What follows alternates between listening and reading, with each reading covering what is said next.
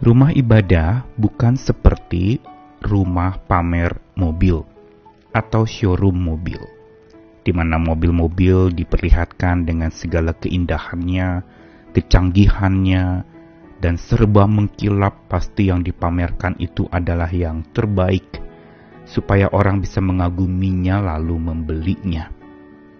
Tetapi rumah ibadah sesungguhnya diumpamakan seperti bengkel mobil di mana mobil-mobil apa pun juga datang dengan keluhan kerusakan yang ada, lalu kemudian diperbaiki, dibenahi, dipulihkan sampai bisa berjalan kembali dan berfungsi kembali untuk membawa penumpang menuju ke tempat tujuan.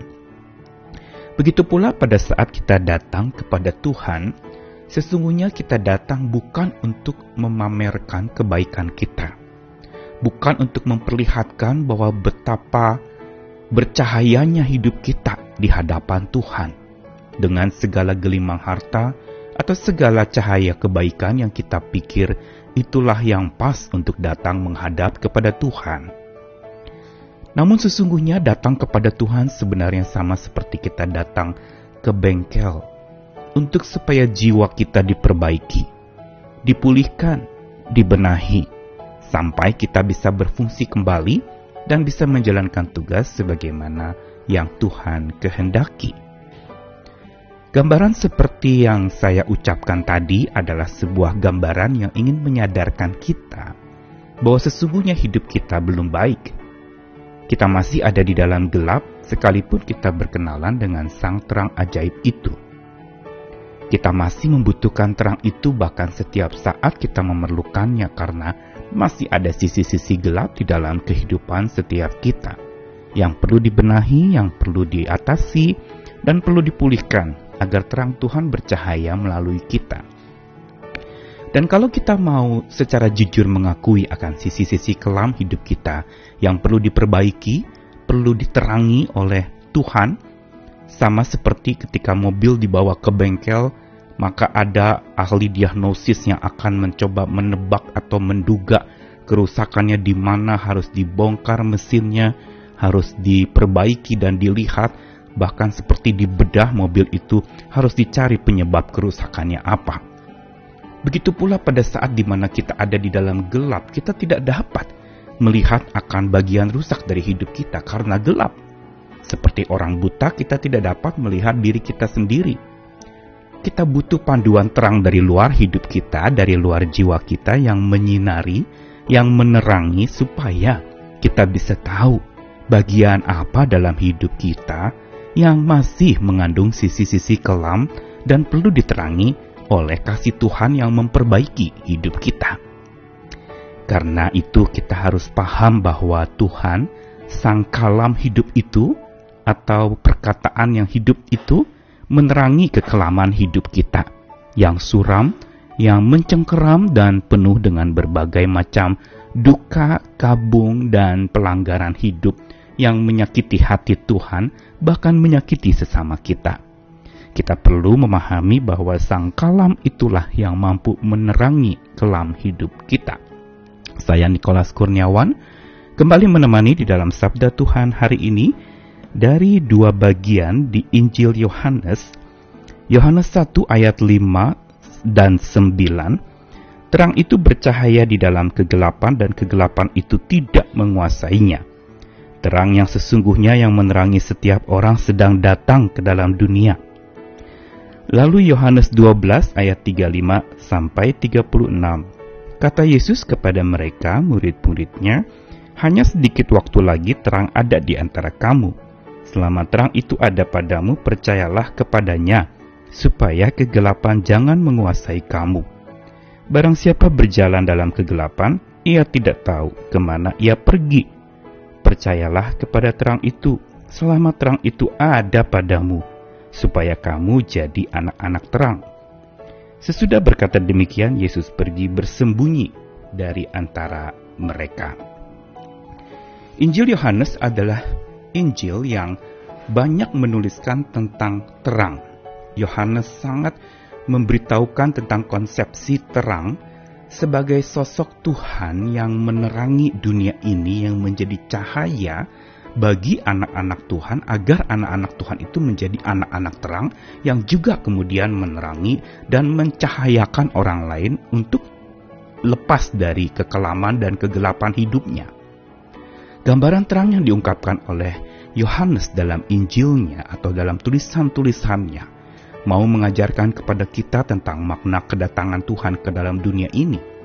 Yohanes mencatatnya di dalam bagian pasal yang pertama dengan mengatakan bahwa terang itu bercahaya dalam kegelapan dan kalau terang sudah datang dalam kegelapan, terang itu akan menguasainya dan kegelapan tidak dapat lagi menguasai manusia. Ini memberitahukan kepada kita betapa kemenangan terang itu adalah satu hal yang patut kita andalkan. Dan jangan lupa bicara kemenangan terang yang dimaksud terang itu adalah tentu saja sosok firman yang jadi manusia yaitu Tuhan Yesus Kristus. Dia datang ke dalam dunia ini menjadi kalam yang hidup, menjadi perkataan yang hidup, menjadi ucapan-ucapan Allah yang hidup menjadi manusia yang nyata untuk menyelamatkan manusia yang ada di dalam kelamnya hidup mereka, kelamnya dosa mereka dan pelanggaran yang menindih hidup mereka.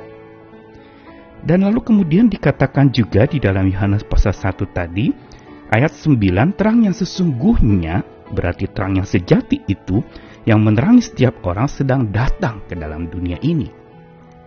Apa terang yang sesungguhnya itu? Terang sejati yang bukan sekedar cahaya tetapi sesuatu yang hidup. Sesuatu yang menerangi setiap orang berarti menghidupkan juga setiap orang. Jangan lupa Yohanes selalu menyetarakan antara terang, antara kehidupan, dan juga antara cinta. Light, life, and love. Tiga tema ini sangat ditekankan oleh Yohanes dalam tulisan-tulisannya, termasuk juga di dalam surat Yohanes. Dan apa yang diucapkan di dalam ayat tadi mau menegaskan bahwa terang yang sesungguhnya yang berarti saat dia bicara terang, yang sesungguhnya itu dia berbicara tentang Tuhan yang menjadi sosok terang sejati itu. Yang sedang datang ke dalam dunia ini berarti dia sedang datang, dia sudah datang dan dia akan datang ke dalam dunia ini. Ini yang sering diperingati di dalam Natal, bahwa terang itu sudah datang ke dalam dunia.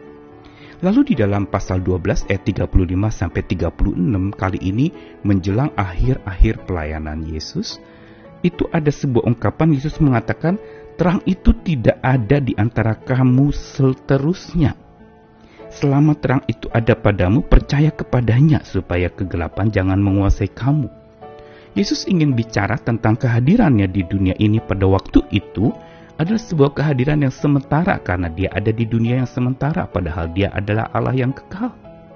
Dan kehadirannya itu justru ingin mengatakan bahwa selagi terang itu ada di hadapanmu, percayalah kepadanya, supaya engkau tidak dikuasai oleh kegelapan itu. Dan barang siapa berjalan dalam gelap, ia tidak tahu ke mana ia pergi. Karena itu percaya kepada terang itu selama terang itu ada padamu supaya kamu jadi anak-anak terang. Dua kali dikatakan untuk kita percaya kepada terang itu. Dan inilah yang menyebabkan kita dapat melalui masa-masa kelam hidup kita karena kita percaya kepada kalam hidup itu yang bercahaya menerangi kelamnya, redupnya hidup kita yang penuh bahaya ini. Dan kehadiran Tuhan itu bagaikan kalam hidup itu.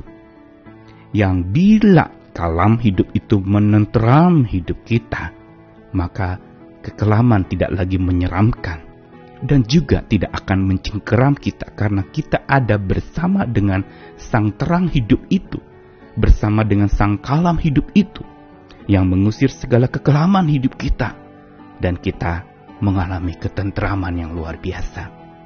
Karena itu menjelang hari kelahiran Tuhan Yesus yang akan diperingati seluruh dunia di hari-hari ini, marilah kita terus hidup dekat dengan sang kalam itu, firman yang jadi manusia itu, sabda Tuhan yang hidup itu. Karena itulah yang akan mampu menerangi kelamnya hidup kita. Datanglah kepadanya, percayalah kepadanya, dan berpeganglah kepada apa yang dia katakan kepada kita.